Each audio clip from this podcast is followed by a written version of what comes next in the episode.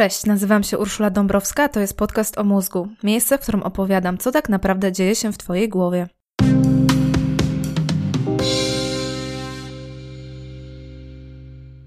Na co dzień robisz to, co robisz, myślisz tak, jak myślisz i czujesz, co czujesz.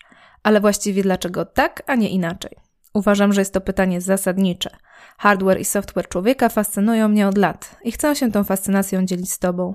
Dlatego właśnie umysł, mózg i różne aspekty psychiki to tematy kolejnych odcinków tego podcastu. Chciałabym Cię poprosić o polubienie strony Podcast o mózgu na Facebooku lub zapisanie się do newslettera na mojej stronie. A jeśli ten odcinek Ci się spodoba i zechcesz się oddzięczyć, to kup mi kawę na Bajkofitu, łamane na podcast o mózgu. Link do tej platformy znajdziesz na mojej stronie www.urszuladabrowska.pl. Dzisiaj temat będzie mięciutki, milusi i słoneczny, żebyśmy przez ten kwadrans trochę odpoczęli od ciężkich zagadnień i prozy życia. Będzie też bardzo zielono, ale jeśli Ci się to kojarzy z dolarami albo marihuaną, to nie, uprzedzam, nie tym razem. Będzie zielono, ale tak wiosennie, chlorofilowo, bo u mnie właśnie wiosna. Drzewa puszczają listki, trawa rośnie, dzień robi się coraz dłuższy. Żyć nie umierać. Serce robi się lekkie, a nogi same niosą w plener. I właśnie o tym będzie dzisiejszy odcinek.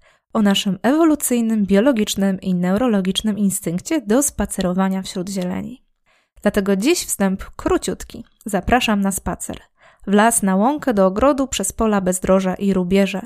Zaraz spróbuję Cię przekonać, że to bardzo dobry pomysł, wręcz rewelacyjny, jeśli tylko zależy Ci na zdrowiu, szczęściu, kreatywności i dobrym humorze. Na początek zapraszam Cię do kącika wspominkowego. Przy okazji dzisiejszego tematu myśli same schodzą mi do 2016 roku. Wcale nie wiosna, tylko wczesna jesień, a dokładniej październik. Ja i mój ulubiony człowiek dzień za dniem wstajemy przed wschodem słońca, żeby iść, iść, iść. Bolą nas nogi, jak nie wiem co, i bolą nas ramiona od plecaków, bo niesiemy w nich wszystko, czego przez ten czas będzie nam potrzeba. Robimy tak przez pięć tygodni w pięknych, choć czasem dość monotonnych okolicznościach. Wyruszamy z Saint-Jean-Pied-de-Port w zachodniej Francji, przedzieramy się przez Pireneje, a potem wędrujemy przez północną Hiszpanię. Mijamy kolejno Pampelunę, Burgos, Leon, Ponferrada. Przez 35 dni pokonujemy 800 kilometrów. Spełniamy nasze wielkie marzenie, czyli przemierzamy Camino de Santiago, prawdopodobnie najbardziej popularną trasę pielgrzymkową w Europie. I co? I nic. W pewnym sensie totalna strata czasu. Jeśli tak pomyślałeś, pomyślałaś, to nie miej wyrzutów sumienia, bo nawet mój własny, racjonalny mózg podrzuca mi takie wnioski. Ale mój mózg ma także dostęp do wspomnień i stanu, w jaki ta długa wędrówka mnie wprowadziła. A to już całkiem inna opowieść. To wspomnienia pokoju, sensu, łagodnej radości, satysfakcji i poczucia, że tak, to jest to, dokładnie tak powinno smakować życie. Po powrocie próbowałam sobie to nawet jakoś nazwać, opisać, wytłumaczyć. Sobie i innym, bo przecież wiele osób pytało, jak było. Mówiłam fajnie, niepowtarzalnie, wspaniale, ale szczerze mówiąc, te słowa bardzo słabo oddają taką wędrówkę. No bo właściwie to się głównie idzie, się myśli, się patrzy, się gada. Robi się też całkiem prozaiczne rzeczy, jak mycie, jedzenie, spanie. A jednak te wszystkie zupełnie zwykłe sprawy po kilku dniach przemieniają się w coś zupełnie niezwykłego. Nadal nie umiem tego nazwać, ale zawsze mówię: jeśli coś cię do takiej wędrówki ciągnie, to idź i sama, sam się przekonaj bo jest coś w pokonywaniu kolejnych kilometrów w terenie, co otwiera w głowie szczególny pokój, taki pokój, do którego w normalnym życiu się nie wejdzie. I nie da się tego opisać, przynajmniej ja nie umiem. Wiem, że to brzmi trochę jak hokus pokus abracadabra. Na swoją obronę mam to, że to nie tylko moje osobiste wrażenie. Podobne spostrzeżenia miał mój ulubiony człowiek, jakieś setki tysięcy, a może nawet miliony innych ludzi, którzy przeszli Camino de Santiago przez ostatnie tysiąc lat. A przecież Camino, choć wyjątkowe, nie jest jedyne. Ludzie pielgrzymują do różnych miejsc na świecie, uprawiają nordic walking, piesze wędrówki i wędrówki górskie. Chodzą z psami wzdłuż plaży, po mieście, po lesie. Czasem mają konkretny cel, a czasem celem jest chodzenie samo w sobie. Byle w terenie, byle do przodu, byle na świeżym powietrzu. I dziś właśnie porozmawiamy sobie dokładnie o tym, o spacerach na łonie natury. Spacer to po pierwsze zieleni przyroda, a po drugie pokonywanie przestrzeni w umiarkowanym tempie. To jest prawdopodobnie najprostsza rzecz na świecie. Z drugiej strony nie każdy zdaje sobie sprawę, jak potężna. Wiadomo, ruch to zdrowie, ale w podcaście o mózgu nie skupiamy się na ładnych kształtach i niskim cholesterolu. To też oczywiście ważne, nie przeczę, tylko nie o to tutaj mi chodzi. Bo dla dobrej kondycji równie dobry co spacer jest pewnie rowerek stacjonarny w klubie fitness. A ja jakoś rowerkom na siłce całego odcinka raczej nie poświęcę. Za to spacerowaniu to już bardzo chętnie i z wielką przyjemnością. Spacerowanie działa dobroczynnie na ciało, ale co najważniejsze leczy, koi, wzmacnia i uelastycznia umysł. I nie jest to moje odkrycie, lecz prawda znana od zawsze. A jeśli nie od zawsze, to przynajmniej od starożytności, od czasów Arystotelesa. Pewnie nie on zaczął, ale on zapisał się w historii jako pierwszy wielbiciel rozmyślania, nauczania i dyskutowania w czasie chodzenia. Od jego czasów, czyli od IV wieku przed naszą erą, kolejne pokolenia ludzi zostają perypatetykami, czasem o tym wiedząc, a czasem nie. Perypatetyk to po prostu osoba, która się lepiej myśli w czasie chodzenia. Znanymi perypatetykami byli Zygmunt Freud, Friedrich Nietzsche, Karol Dickens, Darwin i Steve Jobs. Jak widzisz, całkiem duże nazwiska, więc coś w tym musi być. Naukowcy wzięli fenomen perypatetyki na warsztat i okazało się, że rzeczywiście spacerowanie robi dobrą robotę. Podnosi kreatywność i skupienie, poprawia pamięć, obniża stres i napięcie. Wspaniale. Ale właściwie dlaczego spacerowanie jest takie wyjątkowe?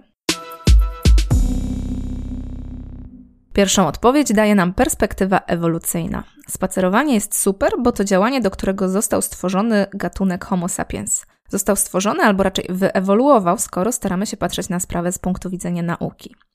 W każdym razie taka jest nasza natura. Chodzić to być człowiekiem. Przypominam, że człowiek przez większość czasu był łowcą zbieraczem. W ten sposób żyliśmy przez ostatnie 2 miliony lat, czyli od pojawienia się pierwszego człowieka, wtedy jeszcze Homo erectus. Tak żyliśmy też długo potem, także 200 tysięcy lat temu i później, czyli w czasach, gdy żył już pełnoprawny Homo sapiens. Nie trzeba wielkiej wyobraźni, żeby zrozumieć, jak istotną rolę odgrywało wtedy chodzenie. Nasi prapraprzodkowie każdego dnia pokonywali duże dystanse, żeby osiągnąć swoje cele. Rolnictwo pojawiło się dosłownie przed chwilą, powiedzmy 10 tysięcy lat temu, i to nie na całym globie od razu. W niektórych miejscach małe społeczności łowiecko-zbieracze dotrwały do XXI wieku. Jak widzisz, większość czasu ludzkość spędziła na łażeniu w te i we w te. Nic dziwnego, że nadal coś nas do chodzenia ciągnie. Tak samo jak ciągnie żabę do błota. Trudno wyzbyć się nawyków, które towarzyszyły nam przez setki tysięcy lat. Nawet jeśli dziś możemy większość spraw załatwić z pozycji fotela. Nasze ciało od siedzenia słabnie i robi się obolałe, to jasne, ale także nasz umysł wiele traci, gdy skazujemy go na całkiem osiadły tryb. W XXI wieku nie musimy tyle się natrudzić, żeby zdobyć jedzenie, jak musieli nasi przodkowie łowcy i zbieracze, ale nasza biologia jest wciąż ta sama, przygotowana do aktywnego trybu życia. W podobnym tonie dużo już mówiłam o roli ruchu w odcinku 10 pod tytułem Jest ruch, jest życie. Zmuszanie mięśni do wysiłku to dobra sprawa z wielu powodów, ale dzisiaj skupiam się tylko na spacerze, bo to kategoria wewnątrz kategorii, wyjątkowa jakość, a co najważniejsze, dostępna prawie dla każdego. Generalnie przebywanie na łonie przyrody jest samo w sobie bardzo przyjemne. Tak przejawia się nasz wrodzony instynkt biofilny. Lubimy oglądać zachodzące słońce, podziwiać widoki w górach, jeździć na rowerze przez lasy i pola. Mózgi, czyli my sami, lubią kolor zielony i naturalne krajobrazy. Patrzenie na zielone uspokaja, wdychanie powietrza nasyconego olejkami eterycznymi z roślin poprawia nastrój. Przebywanie w zielonej przestrzeni obniża ciśnienie i poziom cukru we krwi.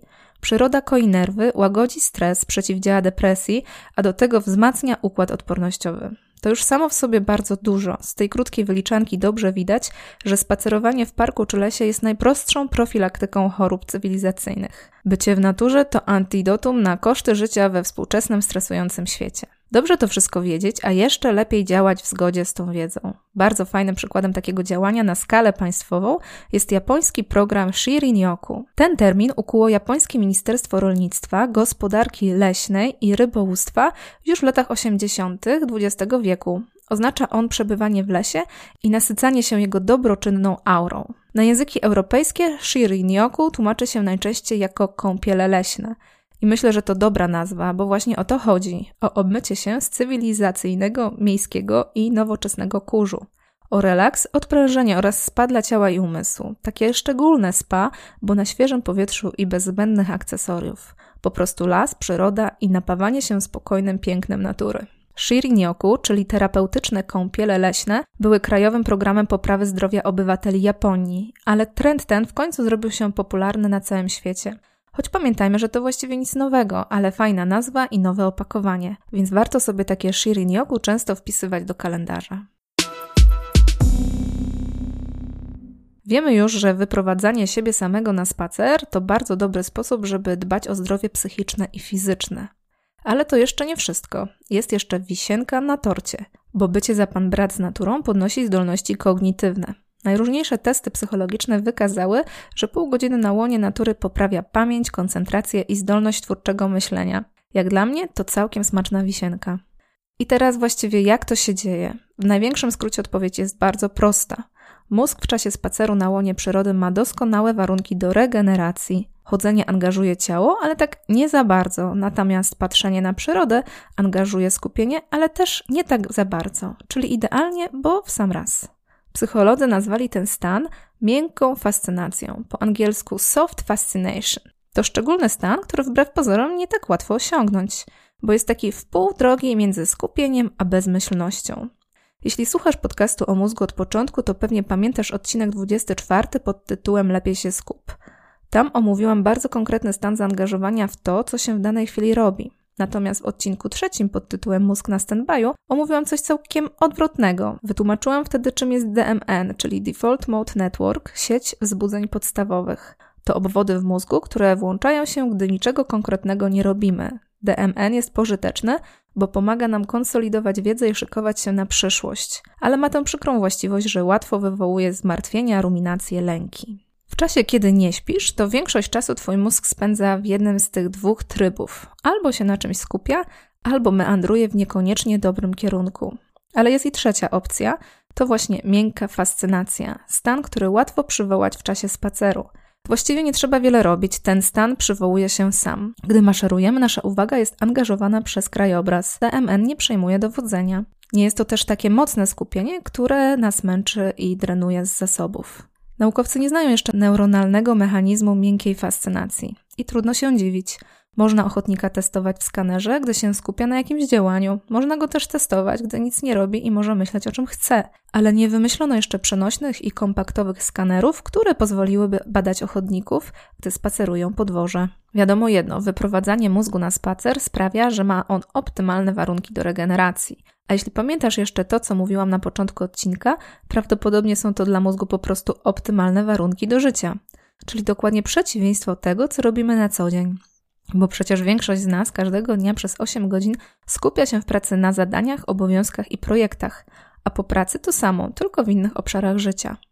Jasne, prehistoryczny człowiek skupiał się w ciągu dnia nie raz, ale niekoniecznie w takiej mierze jak my dzisiaj. Szczególnie, że do 8 godzin pracy doszły nam kolejne godziny skupiania się na socialach, oglądaniu telewizji, graniu w gry komputerowe czy przeglądaniu wiadomości na portalach informacyjnych. Tego ewolucja nie przewidziała. Raczej przygotowała nas do robienia 10 tysięcy kroków dziennie i obserwowania przyrody. Samo patrzenie na góry, drzewa, fale, chmury czy kwiaty jest bardzo przyjemne, ale to jeszcze nie wszystko. Okazuje się, że posuwanie się do przodu dodaje do tego nową jakość. Posuwanie się, czyli chodzenie. To komunikat od ciała do mózgu. Jakikolwiek masz problem, właśnie go rozwiązujemy. Z punktu widzenia organizmu, każda akcja do przodu to na poziomie fizjologicznym działanie proaktywne. Nawet jeśli efektów nie ma, bo przecież nie zbieramy jedzenia ani nie osaczamy antylop. Mimo wszystko ruch do przodu to dla mózgu całkiem dobry powód do odprężenia. Bo skoro coś robimy, działamy, a konkretnie idziemy krok za krokiem, to nasza szansa na sukces jest dużo większa niż gdybyśmy siedzieli w miejscu. To może być z początku niejasne i mało przekonujące, rozumiem. Idea, że mózg rozumie coś przez to, że ciało robi swoje, nie jest dla nas naturalna. Ale w ostatnich czasach takie postrzeganie współpracy głowy i reszty ciała robi się coraz bardziej popularne. To tak zwane embodied cognition, czyli poznanie ucieleśnione. Temu zagadnieniu poświęcę pewnie osobny odcinek.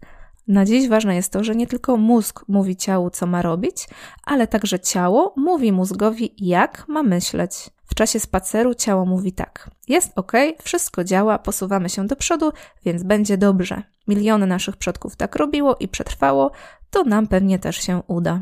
Dzieje się tak także dlatego, że ruch do przodu jest najprostszym programem działania w reakcji na stres.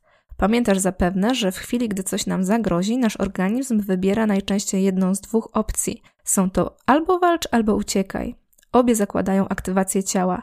Pierwszy krok, drugi, trzeci. W czasie spaceru ruch ten nie jest ani szybki, ani gwałtowny, ani w odpowiedzi na zagrożenie, ale mózg ma cały czas informację zwrotną. Już się ruszamy, wodzu, nie ma potrzeby wszczynać alarmu. I na koniec jeszcze sztuczka magiczka. Tu czarodziejem będą nasze własne oczy. Okazuje się, że ruch gałek ocznych prawo-lewo jest jak wyłącznik dla złych emocji. Poważnie. Brzmi jak fake news i trochę drżę, gdy to mówię, ale dowiedziałam się tego od bardzo wiarygodnego neuronaukowca Andrew Hubermana. Przy okazji bardzo polecam Ci jego podcasty. Jeśli to, co opowiadam o mózgu jest dla Ciebie interesujące, to musisz wiedzieć, że mogłabym Andrew Hubermanowi najwyżej temperować ołówki. Jego podcasty są dostępne na YouTubie, Spotify i gdzie tylko chcesz. Jedyny minus, chyba wszystkie jego materiały jak do tej pory są tylko po angielsku. W każdym razie Huberman często przypomina, że oczy to tak naprawdę część mózgu, która dla swoich specyficznych celów musiała wyjść na powierzchnię czaszki. Dlatego praca oczu przekłada się bezpośrednio na stan umysłu i dlatego na przykład Twoja uwaga podąża za tym, gdzie podąża Twój wzrok. Huberman tłumaczy też, że poruszanie się do przodu wymusza na oczach automatyczne skanowanie otoczenia od lewej do prawej, od prawej do lewej i tak bez ustanku. To z kolei uspokaja działanie ciała migdałowatego, które jest centrum alarmowym w naszym ciele.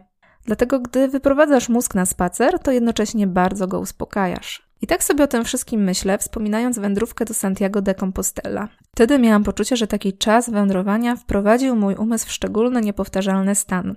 I neuronauka coraz bardziej potwierdza, że chyba tak właśnie było. Ale można spojrzeć też w inny sposób. Może jest dokładnie na odwrót. Może wtedy właśnie doświadczyłam normy, być może tak, jak czułam się przez te 35 dni, człowiek powinien się czuć zawsze, codziennie. Do takiego stanu wyewoluowaliśmy, do takiego funkcjonowania są przystosowane nasze ciało i mózg. Tyle, że na co dzień żyjemy zupełnie inaczej. Wygodne, ucywilizowane życie zabrało nam ten stan. Na szczęście jest i nagroda pocieszenia. Nie trzeba iść na pielgrzymkę i nie trzeba być łowcą albo zbieraczem, żeby sobie codziennie trochę pospacerować. Więc zamykam kompa i ruszam. Czy potrzeba Ci jeszcze jakiegoś podsumowania? Myślę, że wszystko jest jasne. Jeśli słuchasz tego odcinka w sezonie wiosenno-letnio-jesiennym, to ja naprawdę nie wiem, co jeszcze powstrzymuje Cię przed wyjściem z domu. Jeśli jest teraz u Ciebie głęboka paskudna zima, może nie być łatwo wyjść spod kocyka. Tak czy inaczej, spacer to dobry pomysł, a najlepszy będzie taki, gdy Twój wzrok będzie mógł błądzić i cieszyć się pięknem naturalnych krajobrazów, najlepiej zielonych. A jeśli samochodzenie jest dla ciebie nudne, to uwaga, uwaga, mam dobrą wiadomość. Możesz sobie przy okazji posłuchać podcastów. Tada! A może właśnie to się dzieje teraz? Słuchasz, spacerujesz i podziwiasz widoki. Może przekonuje przekonanego. Nie ma problemu. Nie mam poczucia straconego czasu. Sama sobie czasem lubię przypomnieć coś, co od dawna już wiem. A teraz kończę i idę do parku. Trzymaj się.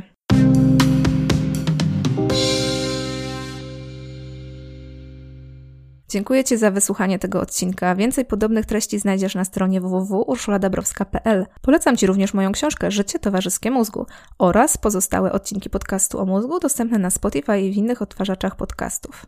Każdy odcinek, który publikuję, jest w pełni autorski. Również i ten przygotowałam z głębokiej potrzeby dzielenia się wiedzą o mózgu i biologicznych podstawach ludzkiej psychiki. Wszystkie treści udostępniam w internecie za darmo, ale każde wynagrodzenie to dla mnie dodatkowy bodziec motywacyjny, więc jeśli chcesz się odwdzięczyć, to kup mi kawę. Wystarczy, że wejdziesz na stronę Buy Coffee tu łamane na podcast o mózgu i bez jakiegokolwiek logowania zasponsorujesz mi espresso, cappuccino albo latte. Bezpośredni link do tej platformy znajdziesz też na stronie www.urszuladabrowska.pl. Podcast o mózgu jest także na Facebooku. Zapraszam do polubienia strony i kontaktu. Tymczasem do usłyszenia. Dobrego dnia, dobrej nocy. Ula.